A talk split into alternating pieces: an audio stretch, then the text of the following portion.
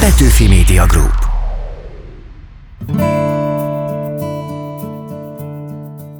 Tiszták a kezeitek? Na jó, ezt hamarosan megmagyarázom. Jó podcast hallgatást, Réd Ládán vagyok, itt a Talpig Magyar, ahogy a reformkor nyomot hagy a Magyar Kultúra Podcast csatornán. A mai epizódban egy egyszerű, ám annál fontosabb tudományos felfedezés nyomába eredünk, amit a közelmúltban igen sokat emlegettünk. A tiszta kezek, vagyis a kézmosás jelentőségének felismerése a reformkorból ered, értelmi szerzőjét pedig ma az anyák megmentőjeként emlegetjük. A szenzációs felfedezést eleinte közöny és értetlenség fogadta a korabeli orvosok körében. Utána járunk, hogy ennek mi lehetett az oka de egy másik szintén 19. századi és máig ható reformról is szó lesz, az első mentőegylet megalakulásáról. Megvizsgáljuk, hogyan festett egy korabeli mentőkocsi, hány ló húzta, és mi volt a sziréna akkori megfelelője. Mindeközben ajánljuk az aktuális bicentenáriumi programokat szerte a Kárpát-medencéből. Mikroszkopunk alatt tehát a reformkori orvoslás, a múltba nézünk, hogy jobban értsük a jelent. Ha még többet szeretnétek tudni a korszakról, receptre írom fel a petőfi.hu-t, a friss adást minden vasárnap 18 órától hallhatjátok a Petőfi Rádióban, a beszélgetéseink hosszabb változatáért pedig bátran iratkozzatok fel ide a Magyar Kultúra Podcast csatornára. Na de, kezdődjön a rendelés! Vajon miért nem lehetett proféta a saját hazájában az anyák megmentője? Sajnos maga Szemelvez is tehet arról, hogy nem terjedt el annyira az ő elmélete, mint eh, amennyire szükséges lett volna. Mi volt az egyik legnagyobb kihívás a Semmelweisről készülő film alkotói számára? Ez az egész találmány, az messzes kézmosás annyira egyszerűnek tűnik, hogy lehet ezt a néző számára valójában izgalmassá tenni? És miért volt korszakalkotó az egykori mentőpalota? Ilyen rendeltetés céljából evéget épített mentő intézmény még nincsen. Tehát az európai kontinensen mindenféleképpen mi vagyunk az elsők. Hamarosan érkeznek a válaszok. Az UNICEF kezdeményezésére 2008 óta október 15-e a kézmosás világnapja, amikor egy egyszerű, ám fontos mozdulatról emlékezünk meg, ami egy híres magyar reformerhez köthető. Vajon az anyák megmentőjeként emlegetett Semmelweis Ignác gondolta volna, hogy 200 évvel később is életeket menthet a felfedezése?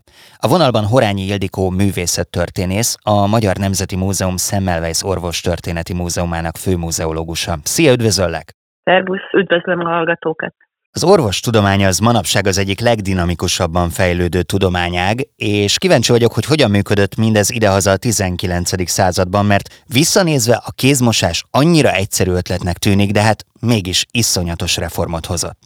Igazából a legnagyobb reformot, hogy tudják egyáltalán, hogy mi okozza a betegségeket, illetve a fertőzéseket, azt a 19. század utolsó harmada hozta el, amikor mikroszkópon megjelentek az első kórokozók a bakteriológia úttörői előtt, tehát Pasteur és Koch előtt. Addig tulajdonképpen csak tapogatózni tudtak az orvostudaraink, hogy mi okozza a fertőzéseket. Többféle elmélet volt, valaki az érintkezést valószínűsítette, mint a kontagionisták, és valaki meg azt, hogy különböző miazmák, vagy a levegő fertőzése okozza a betegségeket. A gyermekágyi lázat is ilyen fertőzésnek gondolták.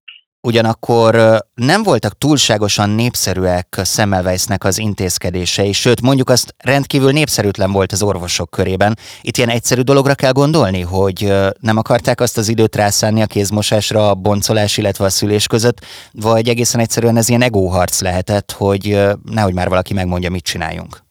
Nem hiszem, hogy a lustaság volt az oka. Egóharc természetesen volt, mint minden egyetemen, illetve egyetemi klinikán. Clay professzor éppen abban az időszakban azért eléggé meggyengült a klinikán, tehát nem szívesen vette, hogy egy ifjú titán kioktatja. Igazából nem ez volt az oka, hanem inkább az, hogy ez nem igazán tudta bebizonyítani az ő elméletét. Amikor rájött a dologra, gyakorlatilag a statisztika áll csak a kezébe. Bebizonyítani valójában a bakteriológusok fogják később. Amikor a mikroszkóp megjelenik, világos. Így Csak hát Semmelweis meg egyre indulatosabban kommunikálja ezt, tehát le is gyilkosozza azokat, akik nem mosnak kezet szülés előtt. Így van, viszont azt tudni kell, hogy amikor Semmelweis rájött erre a felfedezésére, nem igazán a kézmosásról volt itt szó, hanem természetesen arról, hogy a gyermekágyiláz mifajta betegség, illetve megállapította, hogy nem egy fertőző betegség, hanem ö, ö, a szerves anyagok bomlása okozza.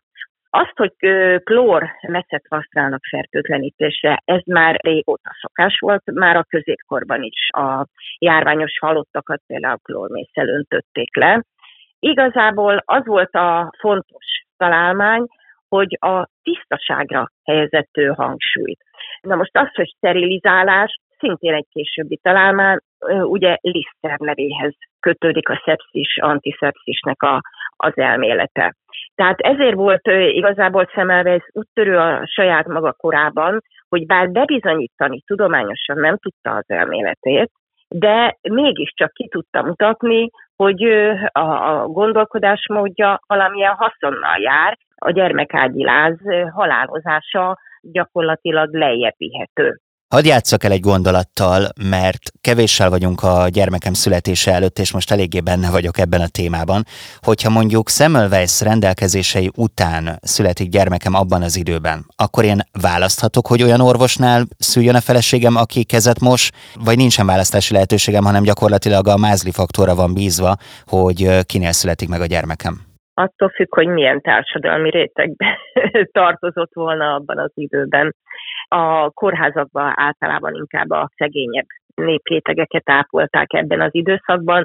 A választási lehetőség igazából a módosabb rétegeknek volt adatot, akik saját orvost fogadtak illetve hát gyakorlatilag ebben az időszakban elég kevés szülés zajlott orvos kezei között, inkább a bába asszonyok segítettek a nőknek. Tehát gyakorlatilag jól érzem azt, hogy itt azért még voltak olyan orvosok, akik tüntettek, és nem tették meg ezt a lépést, de voltak már olyanok, akik elfogadták Semmelweis javaslatát.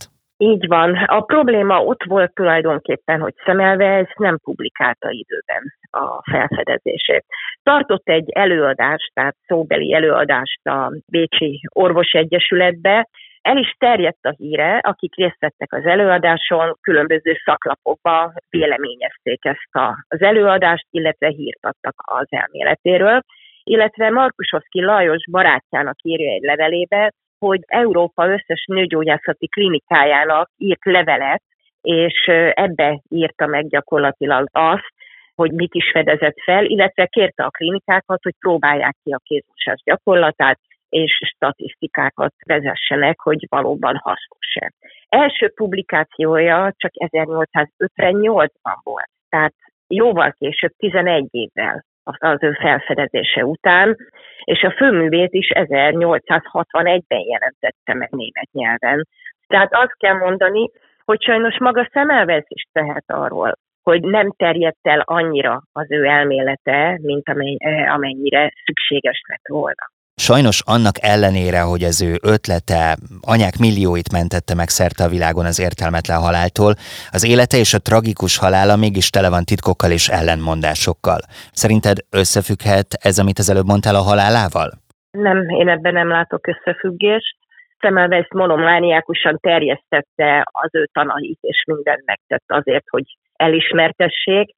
A halála körülményei az egy más tészta. Itt tényleg felreppentek olyan elméletek, hogy őt Bécsben, illetve Smeltben ugye megölték, de e, igazság szerint maga a betegsége, az idegrendszeri szifilisz, illetve felesége vissza, későbbi visszaemlékezéséből tudjuk, hogy valóban megsértette a kezét egy boncoláskor, illetve az a gyakorlat, hogy a, az elmegyógyintézetekben valóban lekötözéssel és veréssel próbálták megregulázni a ellenálló betegeket, ez nem csak szemelvesznek járt ki, hanem minden betegnek, gyakorlatilag ennek a három összefüggéséből adódott az ő halála. De hogy ne ilyen sötéten zárjuk ezt a beszélgetést, ugye Szemmelweis Ignácot az anyák megmentőjeként emlegetik, de ezen kívül más reformok is köthetőek hozzá, amiket a modern nyugati orvoslás tulajdonképpen fejlődésnek tudhat be. Mik azok a tényezők, amik miatt kulcsfigurává vált? Miben mondhatjuk azt, hogy Szemmelweis Ignác úttörő volt a kézfertőtlenítésen kívül?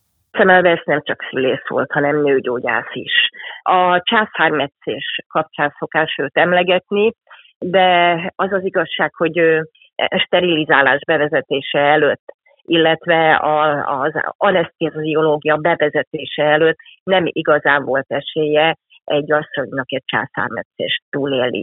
Maga Szemelvesz is végzett császármetszést, de mind a három alkalommal postmortem, tehát a, az asszony halála után a gyermeket megmentendő de mindenképpen abban úttörő volt, hogy Magyarországon, illetve hát még Bécsben is végezte ezeket a császármetszéseket, ő volt az első, aki császármetszést alkalmazott. Kérlek, egy kis kedvcsinálót nyújtsát nekünk itt hangban. Hogyha ellátogatunk a Semmelweis Orvos Történeti Múzeumba, akkor milyen érdekességekkel, milyen relikviákkal találkozhatunk? Mivel maga a múzeum Semmelweis szülőháza, ezért természetesen a neve a házhoz kötődik. Egy emlékszobát rendeztünk be tiszteletére, illetve az emlékszobán belül egy kamara kiállítás mutatja be mind a családi életét, mind tudományos munkásságát. Azon kívül, bár Szemelweis először nem ide temették el, hanem Smelcben volt az első nyughelye, majd a Kerepesi temetőbe került díszsírhelyre, 1963-ban exhumálták a holttestét, és a múzeum nyitására, illetve a halálának századik évfordulójára 1965-ben áthelyezték Szemelweis hamvait az akkor létesítendő orvostörténeti múzeum udvarába. Tehát nem csak itt született Szemelweis, hanem ebben a házban nyugszik a Tabánban található a egy három alatt lévő épületben. Ildikó, nagyon-nagyon szépen köszönöm a beszélgetést. Nincs mit, nagyon szívesen.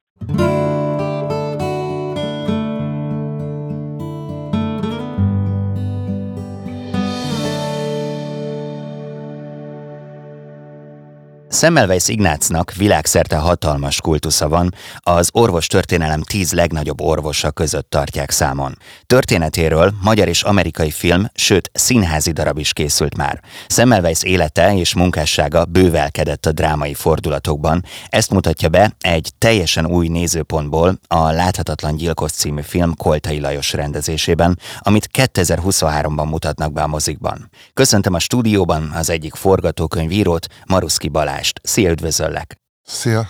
Mi volt új még ebben a történetben? Ugye azt mondtam, hogy több film is készült már Semmelweis életéről, sőt, ami az egyik legmeglepőbb volt számomra, hogy még egy Oscar-díjas színész, Mark Rylance is alakította őt, ráadásul színpadon. Mi volt az, ami egy új nézőpont lett Semmelweis történetében? Azzal kezdem, hogy amikor felkeresett ezzel a tervel Lajos Tamás, a film producere, tehát azzal a tervel, hogy készüljön szemmel veszre egy film, én akkoriban már, mint filmforgatókönyvfejlesztő, nagyon sok forgatókönyvvel találkoztam, és láttam is a magyar filmekből is a 30-as és 50-es évekből készült filmet, és ezeket az kötött általában össze, hogy egy klasszikus életrajzi narratívájuk van, tehát sok-sok évet, évtizedet fognak át, Semmelweis fiatalkorától egészen a haláláig, ugye, amiről majd külön szívesen beszélek, tehát ezekről a legendákról, a halála körül legendájáról. Én személy szerint igazából nem annyira kedvelem, nem áll közel hozzám a klasszikus életrajzi film, pont ezért, mert elhúzott, nagyon epikusnak gondolom, és, és az első gondolatom az volt, hogy mindenre megtalálni azt a fogást, azt az egy évet, amikor Semmelweis élete igazából izgalmas tud lenni, és hát ez volt ugye ez a 1847-48-as év, amikor valójában Bécsben Semmelweis felfedezte a gyerekágyi lázokát, és ez tart egészen 1848 tavaszáig a magyar forradalomig, illetve az osztrák forradalomig is, hiszen egész Európában forradalom volt. Tehát tulajdonképpen arról van szó, hogy nem egy teljességet szeretnétek dokumentumfilmként bemutatni, hanem inkább kifotóztok belőle valamit, és arra helyezitek a hangsúlyt. Szerintem minden filmalkotás, tehát ami megtörtént eseményen vagy életrajzon alapul, meg kell hoznia ezt a döntést, hogy melyik része az igazán hangsúlyos vagy fontos. Számomra ez az egy év volt nagyon fontos, ez következményekkel járt. Egyrészt az, hogy lett belőle egy orvosi krimi, hiszen arról szól ez az időszak, amikor ő a semmiből, vagy a szenvedélyből felfedezi az okot, és ennek a ellenszerét is. És ami külön érdekes volt, ugye ilyenkor az ember azért mégis elmegy szakértőkhöz, beszélget velük, orvos szakértőkhöz, életrajzi szakértőkhöz, elolvas könyveket, és e, rögtön szinte az első alkalommal azt éreztem, hogy az én koncepcióm valamilyen szinten igazolt is. Azért is, mert a szemelvész kapcsolatban három nagy legenda létezik. Az egyik ugye az, hogy egy meg nem értett orvos volt, tehát óriási ellenállás volt az ő találmánya iránt. A másik, hogy ő valamikor ennek következtében megőrült. A harmadik pedig ugye, hogy őt megölték az ideggyógyintézetben.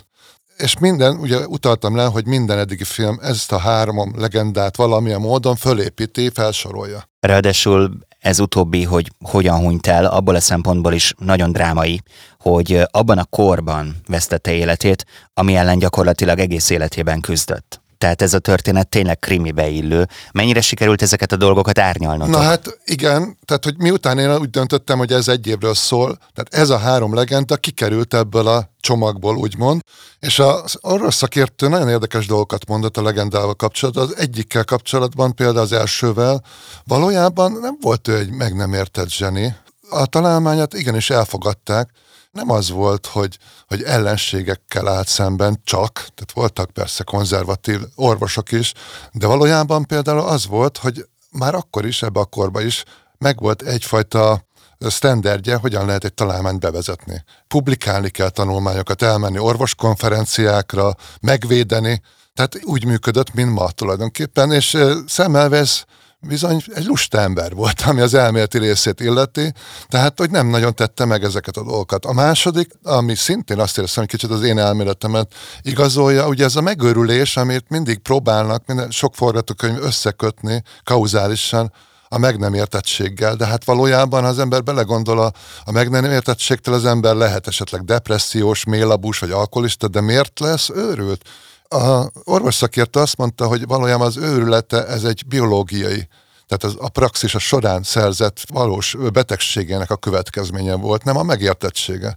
És amit kérdeztél a halála, az külön egy érdekes dolog, finoman szólva sem igazolt azt, hogy őt direkt módon agyonverték, tehát hogy bement egy egészséges embert, és az orvosok agyonverték, hanem egyfelől az akkori állapotok, pszichiátri állapotokban ez nem volt extrém, hogy így bántak a beteggel, másfelől szemmel vesz, már olyan állapotba került be, tehát pont a betegsége miatt, hogy előbb-utóbb is elhalálozott volna. Persze nyilván nagy alkotói szabadság van, ami ezeket a legendáriumokat érteti, de a részemről én azért örültem megerősítésnek, mert ez nem egy ilyen tragikus kifejlettségű film, egy kifejlődésű film. Nem tudom, láttad-e a Hajsza a győzelemért című filmet? Az Niki Lauda és James Hunt küzdelméről szól a Forma 1-ben, és ott mesélték el, hogy Niki Lauda ugye szakértőként jelen volt a forgatásokon, és ha már szakértőkről beszélsz, ott az történt, hogy az első forgatási napon megjelent uh, Niki Lauda, és megfogta a forgatókönyvet, amiben valami olyasmi volt, hogy a pilóta beült a kocsiba, és elfordította a sluszkulcsot, és azt mondta, hogy jó, akkor hagyjuk a fenébe az egészet, átírjuk a forgatókönyvet, most egy hétig nem forgatunk.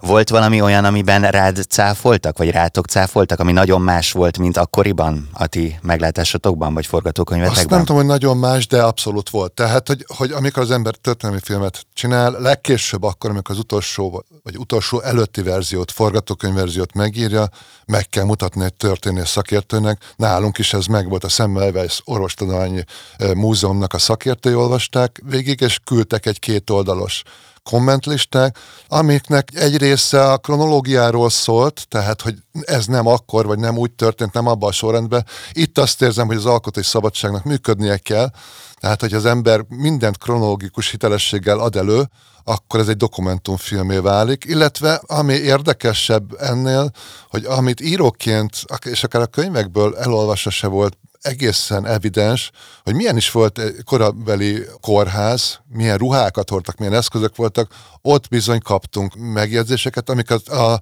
előkészített szakaszában már Koltai Lajos tanárúrral igyekeztünk a könyvben orvosolni. Gondolok például arra, hogy nem volt infúzió, Gondolok arra, hogy valójában úgy tekintünk erre a korban egy kórháza, mint egy egészségügyi intézmény, valójában inkább egy szociális intézmény volt, még ez a kor, a század elejére, tehát 1800-as évekre már egy modernebb formát ölt a kórház, de itt valójában még egy szociális intézmény volt, ahol tulajdonképpen egyenruha sem nagyon volt sok esetben, tehát se az orvosoknak, se a nővéreknek nem volt egyenruhájuk. Tehát nagyon sok részlet került számunkra, még az utolsó verziónál is.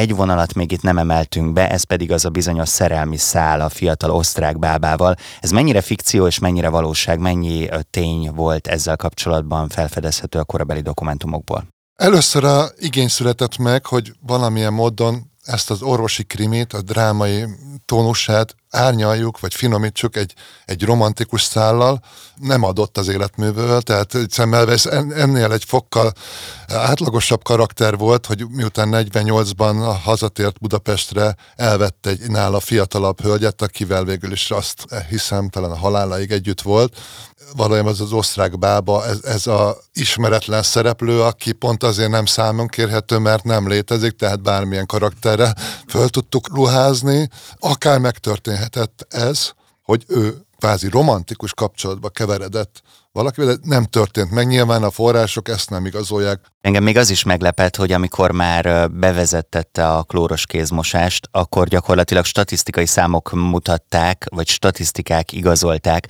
hogy kevesebb az elhalálozás, és még ennek ellenére is küzdöttek vele az orvosok. Abszolút mértékben, hiszen ez azért egy ilyen találmány, mint ahogy olvastuk, ez nem egy pillanat, hogy onnantól kezdve megszűnik, hiszen akkor még benne volt a levegőbe, a lepedőbe, tehát hogy az összes higiéniai dologra, amire Semmelweis rá kellett jönni, hogy mi az, ami még terjesztheti a kort, azt felfedezte. Ami Számomra nagy kihívás volt, és pont amit erre már utaltam, hogy mai szemmel nézve, egy történelmi filmnél ugye az ember ismeri a végét, ki nyert, ki, ki nem nyert. Ugye itt ez az egész tanálmány, az messzes kézmosás annyira egyszerűnek tűnik, hogy lehet ezt a néző számára valójában izgalmassá tenni, megpróbáltam megteremteni azt a közeget, vagy visszarepíteni a nézőt, vagy olvasót egy olyan, olyan világba, hogy próbálja úgy ránézni ezekre a dolgokra, mint egy korabeli néző, tehát, vagy, vagy, vagy egy orvos, aki számára ez, amit szemmel szállított, egy botrányosan egyszerű, szinte hihetetlen dolog volt. Tehát én olvastam egy csomó elméletet könyvekből, hogy mi volt az ok akkoriban, és bizonyos szempontból némelyikük sokkal tudományosabban hangzott, mint hogy azt mondja az ember, hogy hát mozd meg a kezedet mészsel. Igen. Már a szereposztás is nagyon impozáns, Vecsei H. Miklós Nagy Katica, csak hogy két uh, színészt említsek. Ugye azt lehet tudni, hogy Bécsben játszódik a film, tulajdonképpen a kórházban a harcot Semmelweis nyeri, az utcán pedig a progresszív erők, tehát hamarosan kitör a forradalom, és Semmelweis pedig jön Magyarországra. De ti Magyarországon forgattátok Bécset. Mennyire jó Bécsnek Magyarország? Arról tudok beszámolni, az utolsó nap kim voltam a forgatáson, a Csepeli szabad kikötőben, és a jelenet ugye a, a Duna egyik partján játszódott, épp egy piaci jelenetről beszélünk, és ugye a Duna másik partja, Csepelen az egy gyárkéményes ipari terület, és elmesélte egy illető a stábból, hogy ez valójában majd egy festő animátor oda fog álmodni egy 18. századi Bécset, teljes élethűséggel. Valójában ma már szerintem mindent meg lehet oldani, hogy, hogy Bécsbe repítsék az embereket. 2023-ban a mozikban a film, mikorra várhatjuk? Én úgy tudom, kérdezősködtem, szerintem nincs még fix időpont, de feltetőnek már 23 második felében lesz bemutatva. Balázs, nagyon szépen köszönöm a beszélgetést. Én is köszönöm szépen.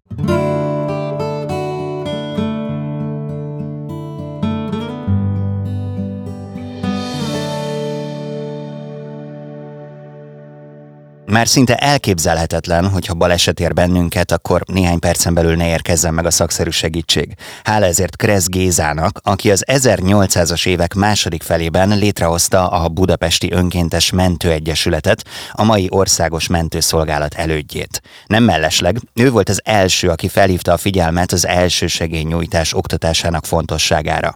A stúdióban Debrődi Gábor történész, az Országos Mentőszolgálat Kresz Géza Mentőmúzeumának igazgatója hallgatója. Üdvözöllek, szia! Szervusz, szeretettel köszöntöm a kedves hallgatókat. Tudtam Kressz Gézáról, de valami fantasztikus ember volt, és teljesen ledöbbentem, hogy mennyi mindennel foglalkozott, ugye például a Magyarországra behozott röngen is neki köszönhető.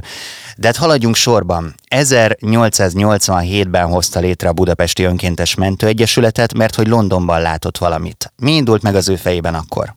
Igen, ő a Kensington kerti mentési bemutatóját látva a londoni Johannita mentőknek, akkor érett meg benne végleg az az elhatározás, hogy ezt a mentőszolgálatot létre kell hoznia, már csak azért is, mert erre jogszabályi kötelezettség volt, ugye a Magyarországgyűlés elfogadta 1876-ban a 14-es törvényt, amely meghatározta azt, ez a közegészségügy általános rendezéséről szóló törvény volt, amely meghatározta azt, hogy minden népesebb városban a Magyar Királyság területén mentőintézményt kell állítani. Na most sajnos ennek gyakorlatilag senki nem felelt meg, nem akart megfelelni ebben a hatalmas országban, és ugye Kresz Géza ugye látva a londoni mentők végtelen talparesettségét, ügyességét, és nagyon erős baráti kapcsolatokat ápolva a későbbi bécsi mentőkkel, tudjuk ott 1881-ben a nagy ringteáter a színháztűz katasztrofáját követően Jaromir Mondi Báró megalapította a Bécsi önkéntes mentőegyletet, és ekkor úgy döntött Kresz Géza, hogy a Magyar Királyság fővárosában legalább itt legyen egy mentőintézmény, és így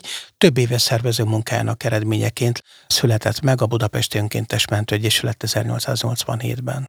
Az egyik legizgalmasabb számomra, hogy keményen meg kellett küzdeni az orvosokkal, két okból is, mert hogy egyrészt az orvosok presztízsen alulinak gondolták azt, hogy mondjuk az utcán gyógyítsanak, a másik problémájuk meg az volt, hogy mi van, hogyha rengeteg ember, aki megtanulja az elsősegélynyújtást, elveszi előlük a munkát. Tehát gyakorlatilag nem volt ez egy könnyű dolog, nem volt ezt könnyű átvinni. Kicsikét kiavítanám ezt, ha nem is rangon alulinak tartották, erről nem volt szó, hanem egyszerűen nem látták annak fontosságát. Mondjuk ezt én magam sem értem, hiszen közszelető esetekről lévén szó, itt azért a háziorvos bármennyire felkészült, és hát mondjuk történetesen mondjuk egy lóvasod gázolás kapcsán mondjuk a sérültet elszállítani, azért ezzel ugye már képtelen lett volna akkor is a körzeti orvos, a háziorvos foglalkozni. Inkább nekik az eset rosszul, vagy pontosabban afölött aggódtak, hogy a mentőegylet rengeteg házmestert, rendőrt, közigazgatási tanfolyam hallgatót, úszómester, stb. pedagógust tanított, képzett ki az első segélynyújtás, és egy kicsikét ők úgy érezték, hogy ezen emberek majd olyan tudás birtokába jutnak, ami majd tényleg esetleg talán már úgy fölöslegesé is teszi a, a háztartási balesetek betegeinek, vagy egyéb belgyügyászati rosszulétek betegeinek az ellátását. De hát hiszen erről szó sem volt. Keresz Géza nem győzte azt kihangsúlyozni, amikor 1890-ben létrejött ez a gyönyörű szép mentőpalota új elsőként a kontinensen, hogy itt a, a pihenőben, illetve az operálószobában szó sincsen arról, hogy itt a kiképzett ház házmesterek ilyen önkéntes doktorokká válva majd a betegeket itt operálják, nem. Vannak bizonyos esetek, amikor a mentők vagy beszállították a beteget az épületbe, vagy pedig külső ambulánsként tértek be, és kellett őket ellátni. De itt szó nem volt arról, hogy itt a háziorvosok kezéből ütötték volna ki a pálcát, sőt, Eleinte a mentők nem is vonultak lakáshívásokra pontosan a véget, hogy a házi orvosok ugye ezt a tevékenységet ellássák. De viszont a közszerületi esetek ellátására senki nem volt fölhatalmazva, illetve volt a rendőrség hatáskörében, de hát ők ezt ugye nem tudták, hiszen nem voltak mentőeszközeik, hogy ezt elvégezzék, és hát azért előbb-utóbb azért az orvos szakma is elfogadta azért a mentőknek a jelenlétét, nem beszélve arról, a nagy budapesti kolera járvány idején ugye több mint 500, te a 90-es évekkel amelyről beszélünk, több mint 500 fertőző kolerás beteget szállítottak el az arra kijelölt intézményekbe a mentők. Na most ezt nem lett volna olyan házi orvosi apparátus, amely ezt megoldotta volna, és valahogyan itt a 90-es évek közepétől, mint hogyha elfogadottabbá, és talán jobban meg is értették, hogy pontosan a mentők mit akarnak. Menjünk egy kicsit bele a részletekbe. A Szent István tér környékén, ott a bazilika mellett lehet látni egy emléktáblát, onnan indult talán az egész. Egy távbeszéd beszélő is be volt már építve, hála annak, hogy Kressz Géza tulajdonképpen nagyon jól intézkedett, és nagyon jól szervezte a dolgokat. Talán egy szervező zseni volt, hogyha lehet így mondani. Aztán, amiről én már tudok, hogy ami a Markó utcában létrejött központ 90-ben, az már tulajdonképpen a világ legkorszerűbb mentőközpontja volt. Ez igaz? Nem csak, hogy a legkorszerűbb, hanem az első. Tehát ilyen rendeltetés céljából evéget épített mentő intézmény még nincsen. Tehát az európai kontinensen mindenféleképpen mi vagyunk az elsők, és megmerem kockáztatni talán a kontinensen túl is.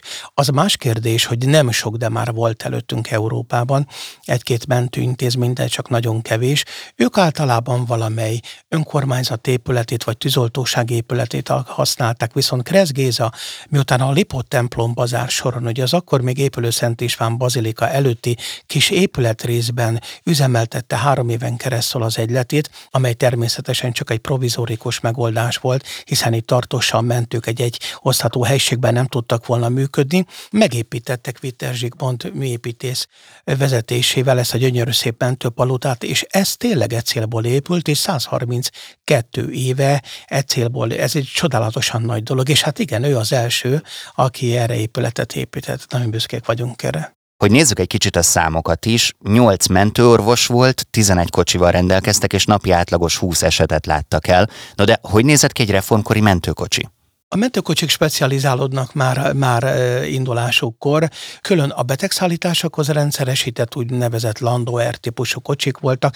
Ezeket általában a Rejterfére Váci kocsi üzem készített a mentők részére, a másik pedig a budapesti Salitram utcai Kölber testvérek műhelyében születik, ez a bizonyos esetkocsi, amelyet ugye leginkább hát balesetekkor használtak a mentők. Nagyon gyakorlatiasan a napi mentő munkaigényeinek megfelelően, ugye fa felépítményről beszélünk, beszélünk, laprugók próbálták csillapítani azért az útnak az egyenetlenségét, esetkocsinak hívták, ugye ahogyan mi napjainkban is, tehát azért ez a mentő szlogen, ez a mentő nyelv, látjuk, hogy ez is alapítóknak Rezgézától ered. Két konkrétumot hadd kérdezzek meg, az egyik, hogy hány ló húzta ezt, illetve a másik, ami nagyon érdekel, hogy volt-e bármilyen elődje a szirénának, amit ma ismerünk? Igen, hát általában ugye két ló hozta ezeket a mentőfogatokat, ezek a lovak egyébként redírozott, nagyon erős, jól fölkészült állatok voltak, rendkívül izgágák, rendkívül szenzitívek voltak, ha meghallották az esetcsöngő hangját, akkor már doboltak a lábukkal, és már alig várták, hogy mehessenek. Van is egy érdekes gyakorlat, illetve egy mondás, amely a korból fönnmaradt, hogy ez a cukrot a mentőknek, nevezetesen amikor a mentő urak, ugye medikusok és egyéb kivonuló mentők kávéházakban a kávéjuk mellé cukrot kaptak, akkor minden valamire való jól elkömentő ezt nem tette be a kávéba, hanem a zsebébe tette, és amikor reggel vagy estére jöttek szolgálatot tenni, akkor mindig a lovaknak adták odát, a lovak borzasztóan szerették ezeket a váltási pillanatokat is. Ekkoriban Sziréna még nincsen, hanem a kocsis csengőt rázott maga mellett. Ez egy ilyen kézi csengő, aki bejön a múzeumban szívesen meg megmutatjuk, elég nehéz volt, tehát azért ez folyamatosan rázni, azért kellett hozzá karizom. Idővel aztán kézzel és előtte még lábbal működhető csengőket rendszeresítettek, aztán ugye idővel azért, hogy változik és fejlődik a technika, megjelennek a lámpák, megjelennek a különféle szirénás mechanikus eszközök, de hát itt a századfordulón vagyunk, itt még ilyen kézi csengővel próbáltak utat teremteni maguknak. Kressz Géza az egyik legfantasztikusabb, hanem a legfantasztikusabb karakter ennek a korszaknak. Ha úgy tetszik, akkor a fundraisingnek is ő volt az, aki letette az alapját, tehát bálokat szervezett arra, hogy mondjuk összegyűjtse az anyagi keretet egy-egy programhoz. Az ő zsenialitása a jó szervező képességében rejlett. Igen, igen, én pontosan ugyanígy látom. A jó szervező képességében egy rendkívül elhivatott személyiség volt, aki tudta, hogy mit akar. Nem azon típus, aki gondolkodik, elmélkedik, aztán esetleg az ötlete nem valósul meg. Például a budapesti vízimentést is ő szervezi meg. A hidaknak a, a, a Pest és a budai oldalához ilyen őrbódékat létesített. Nagyon sok minden volt, amit ő indított el, és nem adta föl a harcát, és ennek a következetes hát, kiállásnak, magatartásnak köszönhető.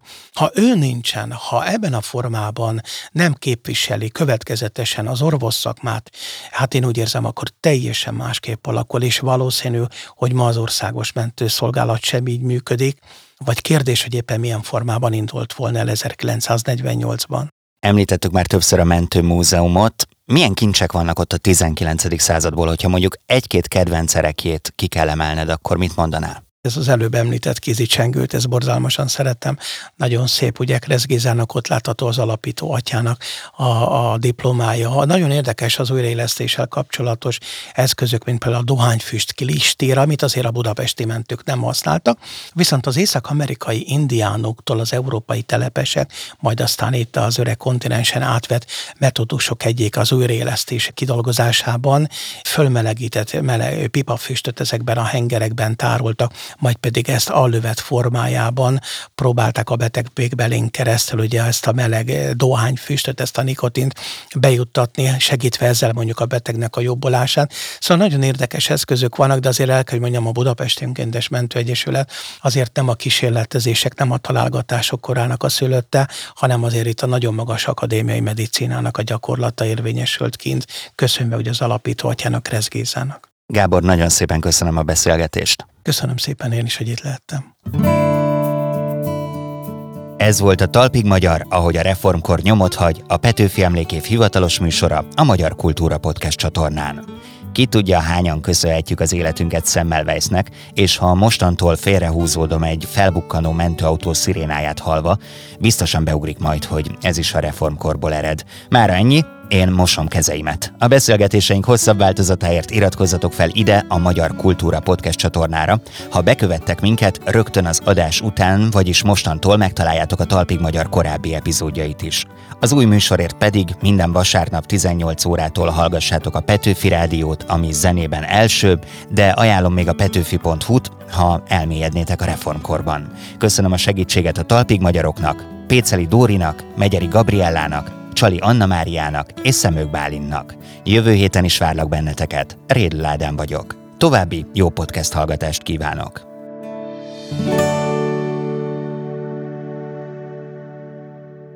Petőfi Media Group